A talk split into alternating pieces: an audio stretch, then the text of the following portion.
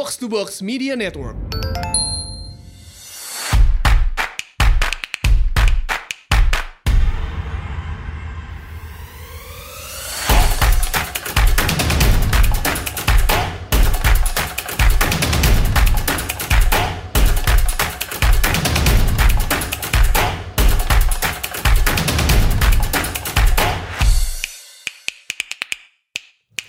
Selamat datang di Asumsi Bersuara dan kali ini kita kedatangan uh, Mas Timbul Siregar ya. Ya.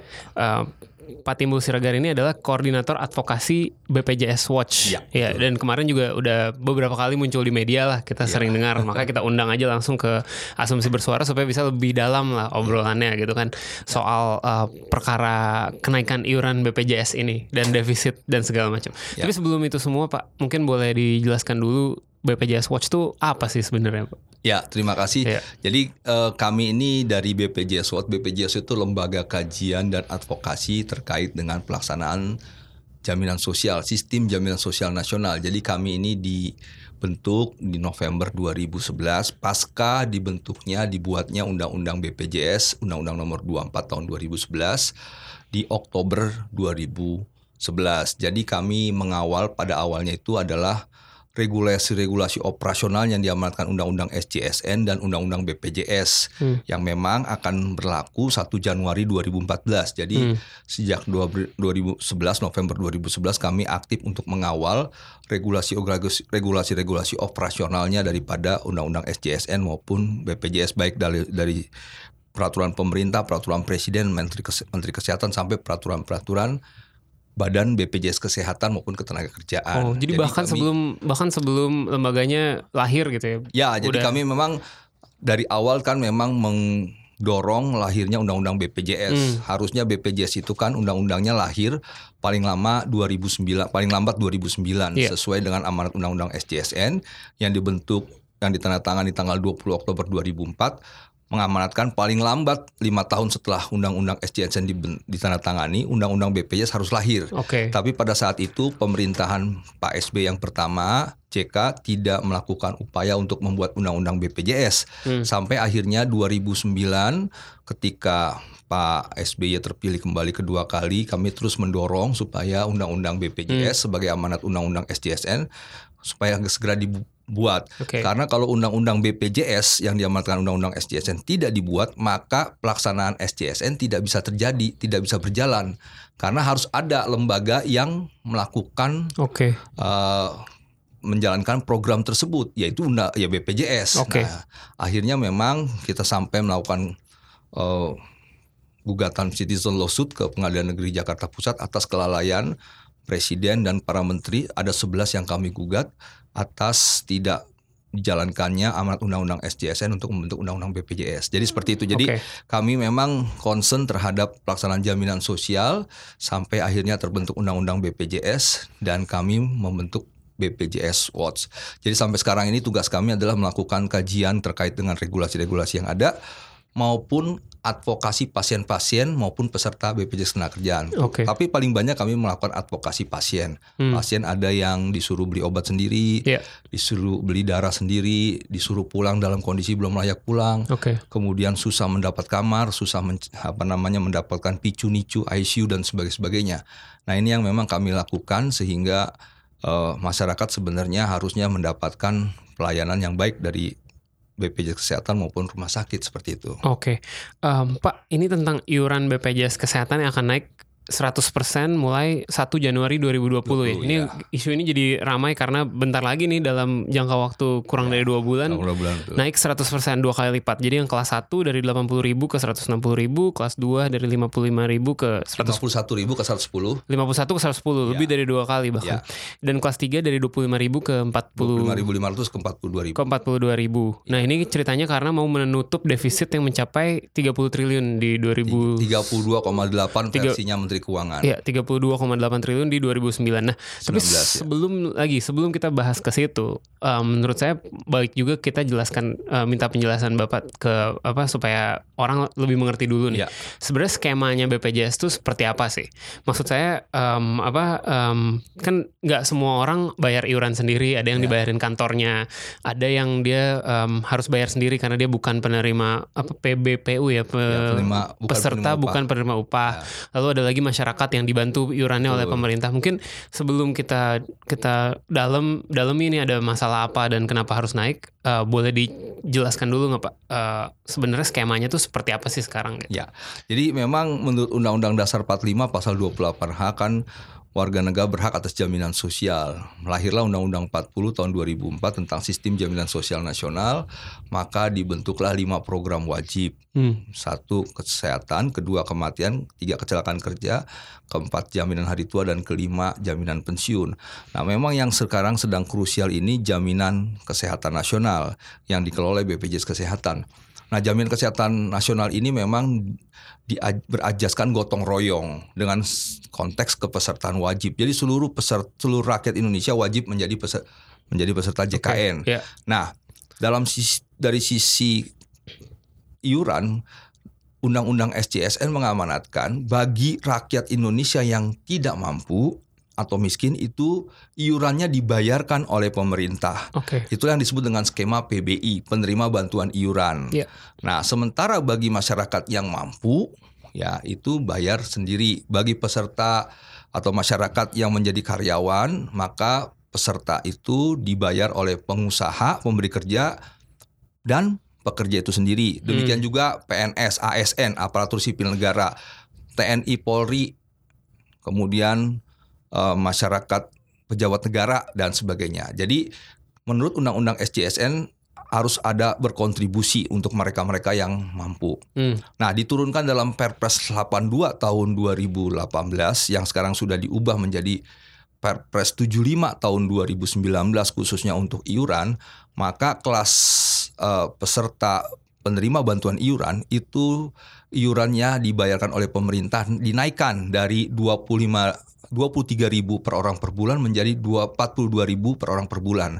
Jadi peserta PBI ini penerima bantuan iuran ini di 2019 itu dikuotakan 96,8 juta orang PBI APBN. Jadi mereka ini 96,8 kuotanya yang terisi sekitar 96,7 juta. Memang ada spare ada space yang Sebentar, 96 juta. 96,8 juta orang Berarti yang dialokasikan anggarannya Berarti sekitar 40% dari rakyat Seperti Indonesia itu, itu, ya. adalah penerima bantuan iuran. dari PBI APBN. PBI dari APBN, iya, ya. oke. Jadi PBI ini ada dua sebenarnya PBI APBN dan PBI APBD. Oke. Nah, yang 96,8 ini memang dari tanggung jawab APBN untuk membayarkan. Nah, di tahun 2018, 2019 ini ya sejak 2016, 17, 18, 19 ini memang di eh, dinyatakan iurannya itu 3 23.000 per orang per bulan. Hmm. Nah, barulah nanti eh, dinaikkan dari Perpres 75 ini menjadi 42.000.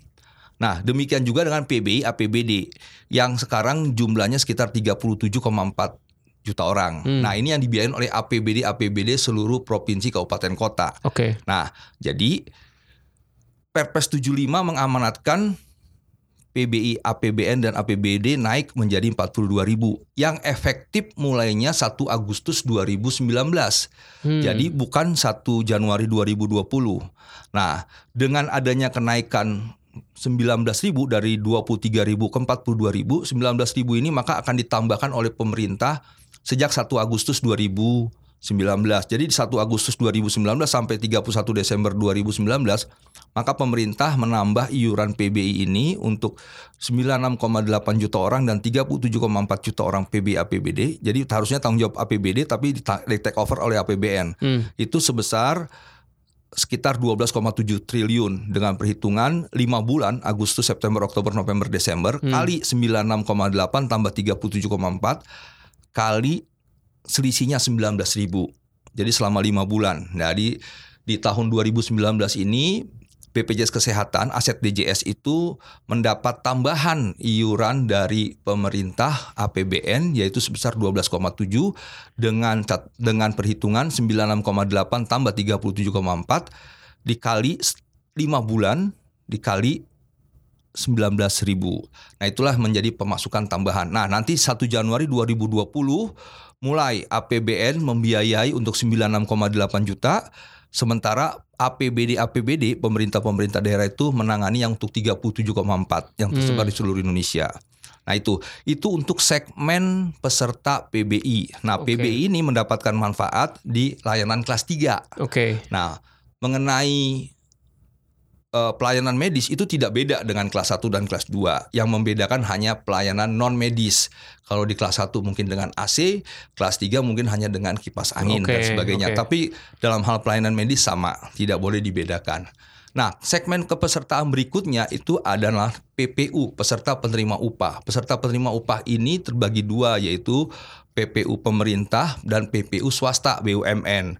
PPU pemerintah itu ya terdiri dari ASN, ASN hmm. aparatur sipil negara yang terdiri dari PNS dan P3K, pegawai pemerintah dengan perjanjian kontrak, kemudian juga TNI Polri, kemudian juga pejabat negara dan pekerja pemerintah non ASN. Iya. Ya, ini memang mereka sebelumnya sebelum ada Perpres 75 ini mereka dipotong sebesar 5% dengan perhitungan 3% dari pemerintah dan 2% dari si pekerja. Iya. Dengan upah basisnya itu sekitar gaji pokok tambah tunjangan keluarga hmm. sekitar 5-6 juta. Nah, sekarang dengan hadirnya Perpres 75 tahun 2019, skema iuran itu diubah menjadi 5% tetap, tapi 4% dari pemberi kerja yaitu pemerintah dan satu persen dari pekerja itu sendiri, TNI, Polri, ASN maupun Jadi pejabat ber, negara. berkurang kontribusinya. Ya, tetapi ya. batas atas upahnya seperti swasta yang menjadi 12 juta. Jadi oh. tidak lagi hanya sebatas upah pokok tambah tunjangan keluarga, tapi sudah dimasukkan lagi di situ upah pokok, tunjangan keluarga, tunjangan kinerja, tunjangan jabatan dan tunjangan-tunjangan lainnya. Hmm. Sehingga misalnya seorang direktur jenderal itu tidak bicara soal 5 6 juta lagi, tapi berapa yang dia dapat? Misalnya 30 juta, oh, tadinya, 40 juta. Tadinya di cap di 12 juta. Iya, enggak, tadinya di cap itu di gaji pokok tambah tunjangan okay, keluarga. Okay, okay. Nah, sekarang ditambahkan semua dengan tunjangan-tunjangan tetapi dibatasi di 12 di angka 12 okay, juta. Okay, Jadi misalnya okay. seorang direktur jenderal sebuah kementerian mendapatkan income sebulannya itu sekitar 25 juta misalnya. Yeah. Hitungan 5 persennya itu dari 12, 12 juta. Oh. Jadi maksimal itu 600 ribu. Oke. Okay. Nah, jadi kalau awalnya sebelum Perpres 75 itu dia hanya sekitar 5-6 juta kali 5 persen, sekarang okay. bisa sampai 12 juta. Tapi bagi pekerja PNS misalnya gajinya cuma 7 okay. juta, ya 5 persen kali 7 juta. Okay. Kalau itu. yang non pemerintah sama seperti itu juga. PPU nah itu nanti yang... sebentar. Oh, nah ini, okay. jadi ini kan PPU pemerintah yeah. ya. Nah ini mulai berlaku 1 Oktober 2019. Hmm. Jadi bagi PNS, TNI, Polri pejabat negara maupun pekerja penerima pekerja pemerintah non PNS itu sejak 1 Oktober 2019 kemarin itu sudah dipotong berdasarkan tunjang gaji pokok tambah tunjangan-tunjangan lainnya sebesar satu persen, yeah. tidak lagi dua persen. Okay. Nah, sekarang masuk ke segmen PPU swasta BUMN. Nah, jadi menurut Perpres 82 2018 sebelum hadirnya Perpres 75 ini skala apa upahnya peserta ini PNA swasta ini 8 juta maksimal. Hmm. Jadi ada yang gaji 10 juta ya itu 8 juta. 5 persen hmm. yaitu 4 persen dari pemberi kerja dan satu persen dari pemberi dan dari pekerja. Oke. Okay. Jadi kalau ada gaji kita 5 juta maka 5 persen kali 5, 5 juta, juta betul. dengan perincian 4 kali 5 juta sekitar 200 ribu dari pemberi kerja 1 persen kali 5 juta 50 ribu dari pekerjanya okay. itu untuk mencakup tiga anak maksimal suami dan istri demikian juga PNS hmm. jadi ya maksimal tiga anak suami dan istri nah bagi pekerja swasta ini sekarang dinaikkan dari 8 juta menjadi 12 juta. Oke. Okay. Jadi kalau ada orang gajinya pekerjaan 10 juta ya kali 5% yeah. kali 10, 12 okay. ya kali 12.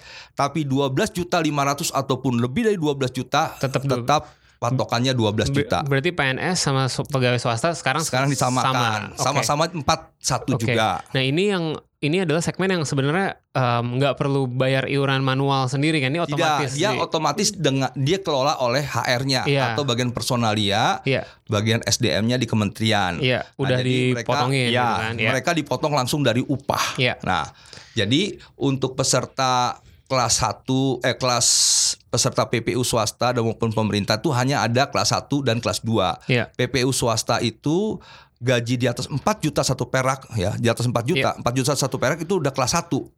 4 juta sampai dengan upah minimum itu kelas 2. Tidak ada kelas 3 baik PPU pemerintah maupun PPU swasta Kelas 3 BUMN. hanya untuk PBI tadi ya?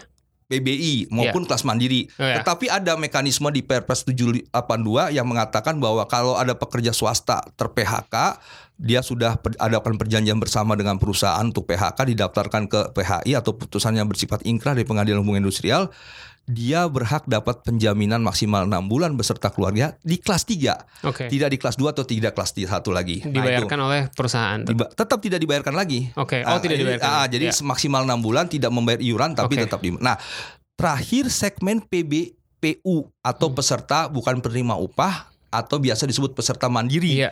Nah, yang menurut Perpres sebelumnya itu kelas 1 80.000, kelas 2 51 dan kelas 3 25.500. Iya. Dengan hadirnya Perpres 75 2019 per 1 Agus 1 Januari 2020 nanti kelas 1 menjadi iurannya 160 naik 100%. Iya. Kelas 2 51.000 menjadi 110 lebih dari 100% dan kelas 3 dari 25.500 menjadi 42.000. Oke. Nah, kalau kita lihat segmen kepesertaan di PB ini kelas 1 itu sekitar PBPU. ya kelas mandiri ini Iya. PBPU ini kelas 1 itu sekitar 4,9 jutaan Juta orang. kelas, uh, kelas 2 6,8 jutaan, kelas 3 20,9 juta. Jadi totalnya sekitar 33 jutaan. Nggak banyak sebenarnya, Pak. Sebenarnya nggak banyak. Iya. Sebenarnya 30 jutaan aja. Iya. Nah, Hmm. tetapi ini memang mengkontribusi juga untuk bagaimana pendapatan iuran. Saya menilai begini, kelas 3 ini memang eh, sorry, kelas mandiri ini adalah orang-orang yang bukan penerima upah yang kerja wira swasta ataupun Iya. kerja sendiri. Nah, jadi mereka tidak sistem persentase tapi sistem nominal itu. Rencana pemerintah untuk menaikkan tinggi itu menurut saya akan menyebabkan kontraproduktif. Paling tidak tiga hal yang terjadi. Pertama, pekerja peker- peserta-peserta yang mandiri ini akan menjadi turun kelas Iya. ke kelas 3. Misalnya 80 tadinya sekarang bisa lah oke 42 ribu lah gue bayar kan gitu. Hmm, hmm. Kelas 1 51 saya bayar 42. Artinya penerimaan yang selama ini didapat akan berkurang kan begitu. Hmm. Apalagi sekarang naik menjadi 160 dan 110. Nah, bila kelas eh, 1 dan kelas 2 ini turun beramai-ramai ke kelas 3, maka ada konsekuensi pertama tadi pendapatan potensial untuk turun, pendapatan iuran. Kedua, terjadi penumpukan di kelas 3. Kelas Hmm. 3 itu sekarang nih sebelum adanya kenaikan ini kan 96,8 tambah 37 tambah 20 eh 20,9 juta dari PBI Mandiri eh, peserta Mandiri itu sekitar 155 juta. Kalau kita bandingkan jumlah kasur atau tempat tidur untuk kelas 3 di Republik ini yang ada 2.813 rumah sakit yang ada di Republik ini walaupun yang bekerja sama masih sekitar 2.500 jadi belum seluruh rumah sakit kerjasama dengan BPJS untuk melayani pe- peserta JKN. Hmm. Nah, dari 2813 ini ada sekitar 126 ribuan kamar tidur kelas 3. Jadi kalaupun seluruhnya ikut bekerja sama dengan BPJS Kesehatan, tetap 155 juta orang ini akan berebut di kelas 3. Hmm. Satu kamar diperebutkan oleh 1223. Nah, Kalau sakit semua. enggak ini artinya Hmm. perbandingannya. Ya. Kalau WHO itu membandingkannya satu banding seribu. Kita satu banding seribu. Menurut WHO 200. itu satu banding seribu. Iya. Tetapi yang terjadi di kita sekarang ada satu banding seribu dua ratus satu seribu dua ratus dua puluh tiga. Dan itu belum bicara distribusinya ya. Belum bicara distribusi dan itu belum bicara rencana ada penurunan kelas dari kelas 3 dan eh, kelas 1 dan Oh, kelas betul, 2. Ini betul. sekarang aja nih. Iya iya iya. Kalau terjadi penurunan dari kelas 1 kelas 2 itu mungkin bisa 1400. Jadi Iya. satu tempat tidur diperebutkan oleh 1400 Oke oke peserta JKN dan sebagainya. oke. Ah. Nah, menurut saya itu nanti akan terjadi penumpukan, terjadi akan masalah bagi pelayanan khususnya rakyat miskin kita kelas 3. Oke, Em, Pak Timbu, em, kalau saya baca-baca nih yang eh, dikatakan menjadi masalah kenapa de- kenapa terjadi defisit Iya. itu adalah yang PBPU tadi karena katanya hanya di bawah 50% yang bayar bayar iuran secara rutin gitu ya. Ya. Banyak yang hanya bayar ketika sudah sakit, lalu Ya, betul. jadi akhirnya ya kalau nggak sakit dia nggak bayar, begitu dia ba- sakit baru dia bayar lagi kan konsep asuransi kan Ya. harusnya bukan bukan, Bukan seperti begitu, itu. ya. Em, dan dan jadi anggarannya bengkak eh, di sini gitu kan. Menurut eh, Pak Timbu sendiri harusnya mengatasi ini tuh bagaimana sih? Ya jadi memang fakta per 30 Juni 2019 total peserta mandiri Hmm. yang menunggak itu 49,06 persen atau sekitar 15 juta dari 32 juta. Nah, bila dirupiahkan satu bulan itu sekitar 2,4 triliun utangnya ke rumah ke BPJS Kesehatan, utang iuran. Hmm. Nah sampai sekarang memang pemerintah maupun BPJS Kesehatan belum punya formula jitu untuk bagaimana bisa mengkolek iuran ini. Ya. Tunggakan iuran itu disebabkan oleh tiga peserta segmen yaitu peserta mandiri paling banyak, kedua PPU pemerintah, PPU swasta, Hmm. badan-badan usaha yang memang belum membayarkan kewajibannya ke BPJS dan ketiga pemerintah daerah. Jadi sekitar kalau totalnya 3,4 triliun, 2,4 dikontribusi peserta mandiri, sekitar 600 oleh peserta badan usaha dan 300-an oleh pemerintah daerah untuk jam dan sebagainya. Nah, ini memang menyebabkan defisit Hmm. ya, karena kalau dia dikolek bisa dengan baik, maka bisa menutup defisit itu ataupun defisit bisa berkurang dengan sangat signifikan. Nah, bila kita melihat menganalisa utilitas, memang peserta mandiri ini pun adalah peserta yang menggunakan JKN dengan relatif lebih banyak dibandingkan peserta PBI. Kenapa tuh? Nah, jadi kalau kita menganalisa pertama peserta PBPU ini kan adalah peserta-peserta yang sudah punya pengetahuan, sudah punya akses kepada informasi terkait dengan JKN. Sehingga mereka punya kemampuan untuk mendapatkan informasi tentang JKN sehingga mudah untuk menggunakannya. Iya. Pertama, yang kedua, ini kan segmen juga yang mempunyai kemampuan ketika mereka harus dirujuk dan sebagainya. Dengan selembar surat rujukan, dia bisa untuk berangkat ke Jakarta. Hmm. Nah, Oh, oke. yang pasti menurut data dari 2014 sampai 2018, justru utilitas paling rendah itu dila, terjadi di PBI APBN. Untuk rawat inap itu sekitar 2 persenan. Untuk rawat jalan itu sekitar 11 persen. Jauh di bawah peserta mandiri kita. Nah, mengapa banyak peserta PBI ini yang utilitasnya rendah? Ya karena tadi pertama dia tidak punya pengetahuan lebih terkait dengan JKN. Keti- Ketika memang JKN relatif tidak banyak untuk terinformasi, teredukasi ke publik, tersosialisasi. Yang kedua, ketika mereka pun harus dirujuk ke provinsi misalnya, mereka akan punya kendala. Siapa yang membiayai ke sana? Hmm. Ketika dibantu atau ditemani oleh anaknya atau saudaranya, siapa yang ngasih makan di sana? Nah, ini kan pertimbangan yang akhirnya membuat peserta rakyat miskin kita ini Iya. ya sudahlah, nggak usah dirujuk lah, di rumah saja dan sebagainya. Beda dengan PBPU yang punya kemampuan finansial dengan selembar kertas dia bisa langsung berangkat dari Kupang sampai Jakarta pun dia mampu karena dia punya kemampuan untuk Bayar. bayar Pesawatnya, transportnya. ya. Nah, tapi untuk rakyat miskin.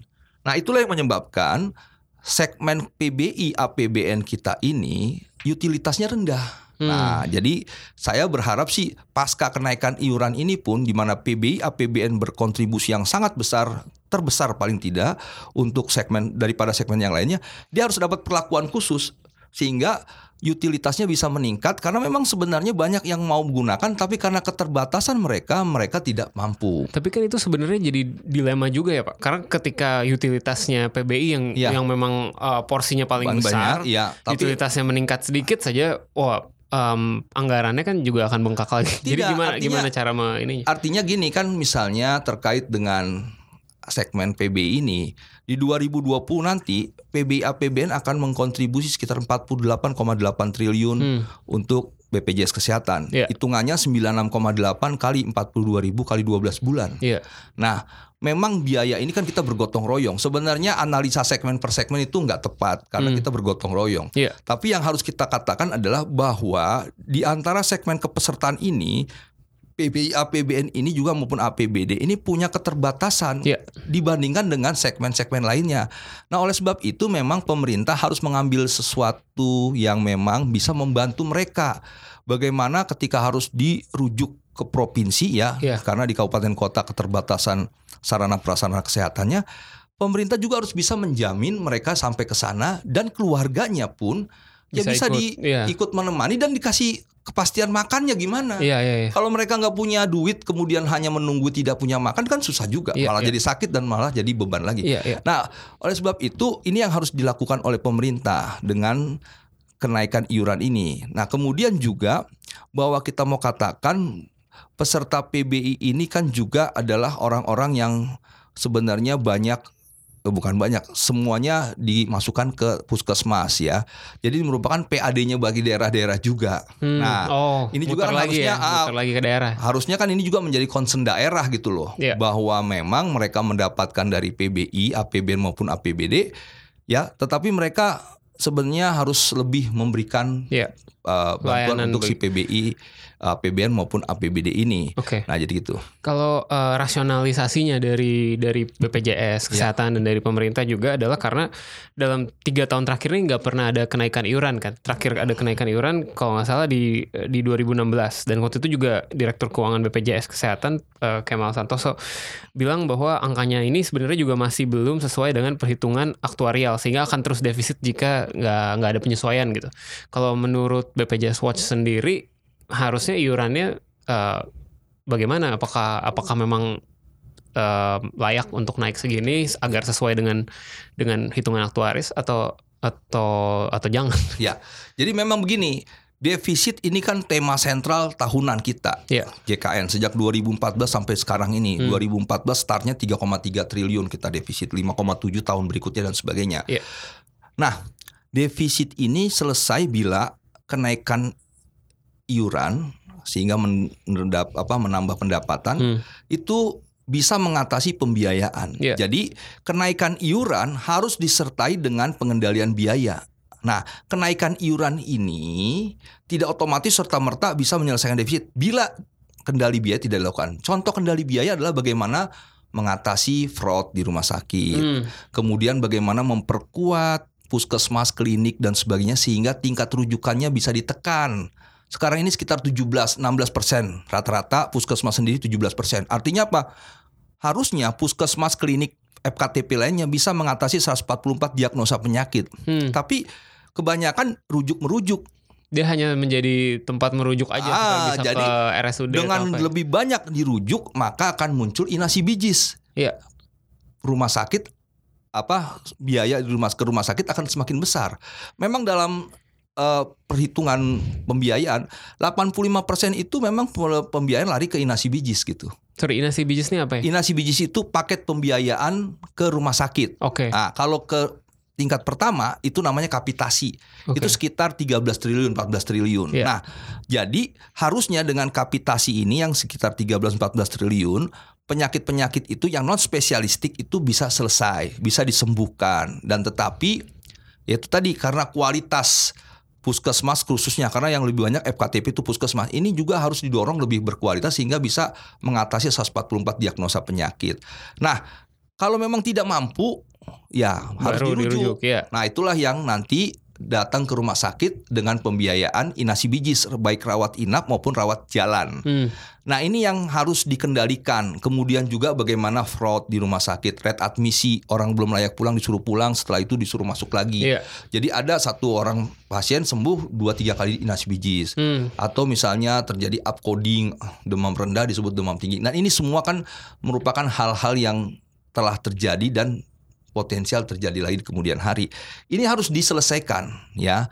Kemudian juga peningkatan ini harus dipastikan terjadi sehingga yang selama ini terjadi adalah penerimaan lebih rendah dari pembiayaan. Dalam RKAT 2019 kemarin itu sudah disetting penerimaan itu 88,8 triliun. Hmm.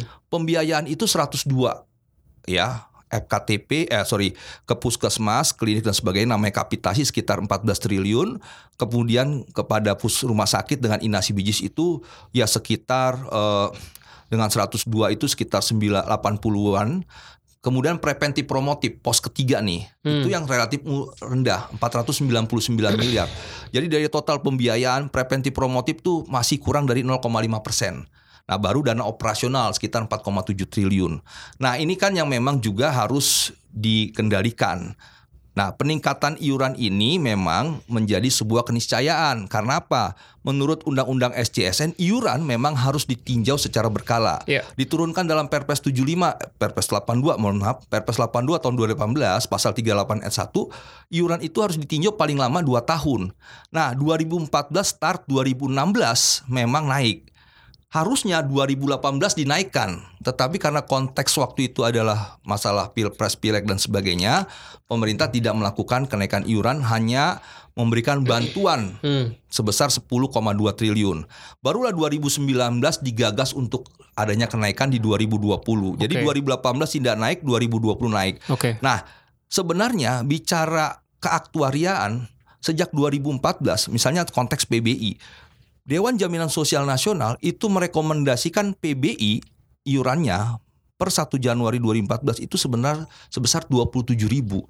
Tapi pada saat itu waktu zaman Pak SBY, waktu itu Menteri Keuangannya Pak eh, eh, Menteri Keuangan saya eh, mantan men- mantan dirut eh, Bank Mandiri itu Pak Agus Marto. Agus Martowardoyo mohon maaf ya itu menyatakan sekitar 19.225 jadi antara penetapan dengan aktuari itu ada gap besar. Oke. Nah 2016 DJSN mengusulkan 36 secara hitungan aktuaria pemerintah menetapkan 23.000 Nah barulah saat ini pemerintah menetapkan 42 sama dengan Hmm. yang ditetapkan oleh DJSN. Hmm. Nah, itu memang ada gap Ya. antara aktuaria hitungan aktuaria dengan penetapan itu yang memang juga menyebabkan terjadinya defisit sehingga bertahun sehingga terjadi ter- Ya. tiap tahun. Eh, Pak Timbul, saya mau nanya soal PBI nih. Ya. Jadi kan eh, rakyat yang kalau tadi dibilangnya eh, rakyat yang berkebutuhan, eh, bu- eh, yang apa menengah ke bawah, rakyat miskin Ya. dibantu oleh negara PBI.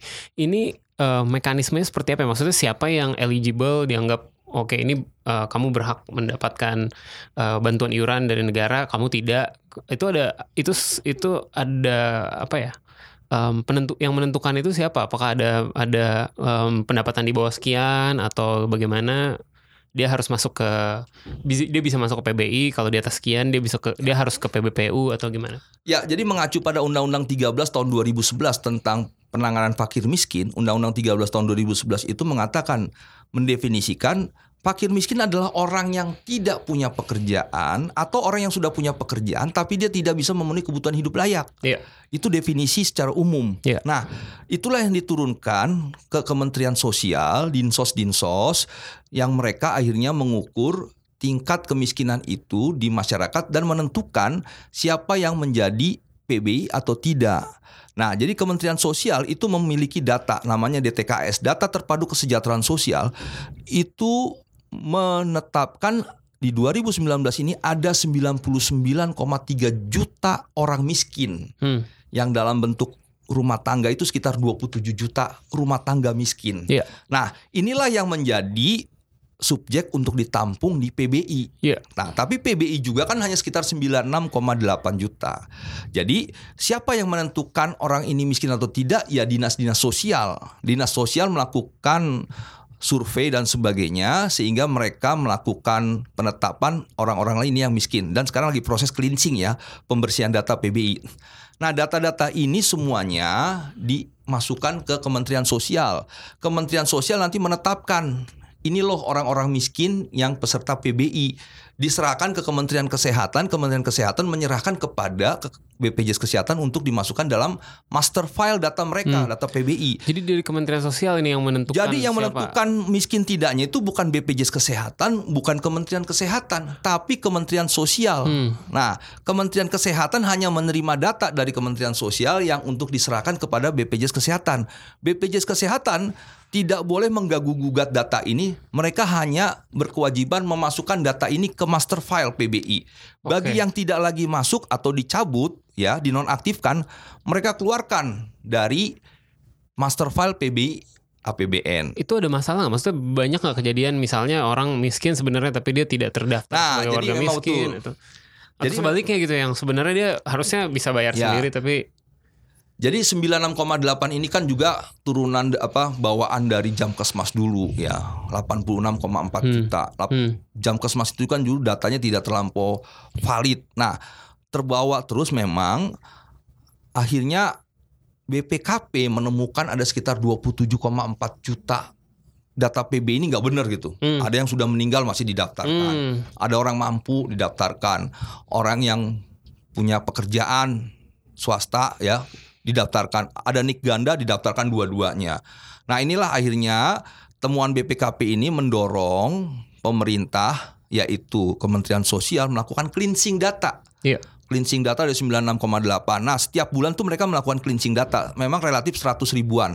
Tetapi per 1 Agustus 2019 kemarin ada 5,2 juta peserta PBI yang dikeluarkan, dinonaktifkan. Hmm. Nah, dimasukkan 4,6. Kemudian 4,6 dan kemudian di Oktober ini dikeluarkan lagi sekitar 4,683 juta, 4 juta 683 ribuan orang dari PBI di cleansing, dibersihkan ya dari orang yang udah meninggal dikeluarkan, orang yang masih sudah bekerja dikeluarkan, orang yang mampu dikeluarkan, orang yang nik ganda dikeluarkan satunya. Nah, dimasukkan lagi 4,6. Jadi ada selisih kurang sih memang. Ya. Kan ini dikhususkan untuk bayi-bayi baru lahir ya. Iya, iya. Bayi baru lahir dari peserta PBI otomatis menjadi peserta PBI. Iya. Nah, jadi sekarang pemerintah baik melakukan cleansing data ini. Walaupun memang ada sekitar 27 juta yang ditemukan BPKP harus di cleansing, dibersihkan dan sebagainya. Nah, persoalannya ada gak ada ketika proses pembersihan data yang dilakukan oleh Kementerian Sosial ternyata di Agustus ya misalnya ya ternyata ada juga pekerja, rakyat miskin kita yang dikeluarkan Hmm. Padahal mereka benar-benar miskin. Nah, inilah yang menurut saya harusnya Kementerian Sosial itu melakukan komunikasi dengan peserta yang memang akan dikeluarkan. Sehingga masyarakat miskin ya, kalau memang benar-benar miskin, dia punya hak jawab. Menteri Keso eh, Dinas Kesehatan, eh, Dinas Sosial, mohon maaf, saya memang miskin, kenapa harus dikeluarkan gitu. Nah, kan yang terjadi sekarang tidak, dikeluarkan saja dulu mengenai dia akhirnya dinonaktifkan masuk ke paskes kemudian dia merasa miskin ya sudah dia dibolehkan lagi. Tapi kan prosesnya akan lama lagi. Nah, Iya. maksud saya Kementerian Sosial ini wajib misalnya melalui dinas-dinas sosial menanyakan Bapak sudah tidak aktif lagi ya per tanggal satu ini dan sebagainya. Nah, bagi yang mau dinonaktifkan harus dikomunikasikan. Demikian juga bagi yang mau dimasukkan itu harus dikomunikasikan juga Oke. supaya mereka tahu bahwa mereka adalah peserta PBI yang baru Oke. gitu. Pak Timus, saya punya satu pertanyaan lagi nih. Ya. Em, kan sebenarnya kalau tadi mendengar penjelasan soal PBPU itu hanya 30-an juta ya. 32 jutaan Hanya- sekarang 33 lah. Hanya 32 juta saja dari berapa 200 Sekarang 223 juta peserta. Oke, sementara mereka yang paling em, yang menimbulkan defisit gitu kan karena yang tadi dia nggak bayar banyak yang nggak bayar secara Ya, em, apa rutin dan segala macam. Pertanyaan saya sebenarnya gini, kenapa nggak sekalian semua iuran BPJS ini dari APBN aja? Jadi maksudnya ya di diinkorporasi di maksudnya mungkin harus ada pen- penyesuaian pajak atau apa tapi daripada ada masalah-masalah kayak gini misalnya kena- orang kan bertanya ya udah kenapa nggak sekalian aja? Semua dibayar negara semua warga negara otomatis peserta BPJS nggak perlu bayar iuran mandiri mandiri lagi semua via APBN gitu misalnya. Itu kalau dari BPJS Watch melihatnya gimana? Apakah udah apakah tetap lebih baik kayak begini? Kayak orang diminta sukarela mem- membayar setiap bulannya atau gimana? Ya jadi memang dalam studi internasional pun skema pembiayaan kesehatan ini kan ada tiga bentuk. Ya. iya Skandinavia itu mengambil bentuk negara Skandinavia itu semuanya ditanggung negara. iya Jadi nggak ada lagi peserta bayar lagi iuran. Konsekuensinya apa? Ya pajaknya tinggi. iya Karena untuk membiayai APBN mereka. Nah, sistem yang kedua ya semuanya bayar sendiri. Iya Seperti Amerika Iya. sampai akhirnya muncul Obamacare. iya betul Yang miskin baru dibayarin kan gitu. Nah, kita ini mengambil yang campuran, hmm. mix yang mampu bayar sendiri, yang tidak mampu dibayar negara. iya Jadi kalau kita mau ngambil skema seperti negara-negara Skandinavia, ya konsekuensinya harus pajak tinggiin. Iya, Pertanyaannya ketika pajak itu dinaikkan sedemikian rupa, kan ini akan berakibat dengan bagaimana investasi akan masuk. Betul, Berpikir, waduh, kalau pajaknya tinggi ah mendingan ke Vietnam. Hmm. Oh, ke Kamboja. Kan artinya pembukaan lapangan kerja tidak terjadi. Nah, jadi memang sudah sangat dipikirkan oleh pemerintah baik buruknya dengan skema total dibiayain APBN, campuran atau sama sekali dibayar oleh si peserta. Tapi itu nggak kita ambil ya iya campuran ini adalah hal yang paling baik Hmm. dibandingkan skema-skema lainnya. Nah, tinggal bagaimana sekarang adalah dengan skema ini kita mendorong semua peserta tuh gotong royong. Nah, sebenarnya ada PP 86 tahun 2013 tentang sanksi kepada peserta yang belum ikut JKN Nah, iya. dan Hmm. sanksi kepada peserta yang menunggak Iya. yaitu adalah sanksi tidak dapat layanan publik. Di Perpres 82 tahun 2018 dipastikan diamanatkan seluruh rakyat ikut JKN paling lama 1 Januari 2019. Saat 11 bulan yang lalu. Iya. Bila tidak ikut maka dia akan kena sanksi di PP 86. Contohnya STNK, Nah, SIM, hmm. paspor, IMB. Nah, jadi BPJS Kesehatan akan menagih. Tetapi ketika mereka tetap tidak mau bayar, ya sudah. Akhirnya mereka akan surati kepada lembaga-lembaga pelayanan publik. Orang-orang ini Harusnya lembaga-lembaga pelayanan publik seperti polisi, imigrasi, Pemda untuk IMB dan sebagainya merespon itu, tapi kan nyatanya tidak. Nah, jadi PP 86 itu sejak tahun 2013, baik PPU pem- eh, sorry, badan usaha pun yang nunggak itu harusnya kena PP ini. Cuma kepastiannya adalah ini tidak efektif karena lembaga-lembaga layanan publik belum mendukung PP 86 ini sehingga orang yang nunggak ya nunggak aja terus Iya. perusahaan yang menunggak ya nunggak aja terus perusahaan yang belum ikut ya biarkan terus nah ini kan akhirnya tidak sehat nah menurut saya memang tinggal bagaimana instrumen yang sudah ada dijalankan tetapi lebih utama lagi adalah gini sebenarnya pelayanan kesehatan yang diberikan oleh BPJS Kesehatan kepada peserta itu yang lebih strategis untuk meningkatkan Iya. kesadaran peserta untuk membayar bersama-sama bergotong royong. Hmm. Nah, ini yang juga belum maksimal sehingga masih ada iuran-iuran tertunggak. Jadi ada dua. Pertama, peningkatan pelayanan kesehatan kepada peserta Mhm. dan kedua juga penegakan hukum melalui PP 86. Jadi menurut saya kalau ini dikombinasikan dengan sangat baik, utang iuran atau tunggakan iuran itu akan bisa lebih signifikan menurun Oke. sehingga menjadi pendapatan real dari BPJS Kesehatan untuk membiayai rumah sakit-rumah sakit. Ya. Yang per 31 Oktober kemarin utang BPJS kepada rumah sakit itu sekitar 21,16 triliun. Itu yang sudah jatuh tempo. Yang belum jatuh tempo 1,7 triliun. Yang namanya outstanding claim yang sudah diberikan kepada rumah sakit eh kepada BPJS tinggal diverifikasi itu 2,7 triliun.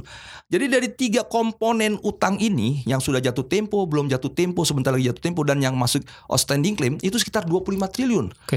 Itu Itu kan emang semakin semakin besar nih. emang mereka. Nggak bisa apa ya maksudnya pinjam dulu dari APBN atau apa untuk bayar rumah sakit karena kan ini efeknya orang jadi ditolak-tolakin orang jadi apa Ya. ya Dampaknya itu memang seperti itu. Iya. Ujung-ujungnya pasien peserta Iya. itu yang susah. Iya. Nah, memang harusnya menurut undang-undang JKN, undang-undang BPJS mohon maaf, ada dua instrumen sebenarnya, yaitu kenaikan iuran atau memberikan dana bantuan Iya. seperti 2018.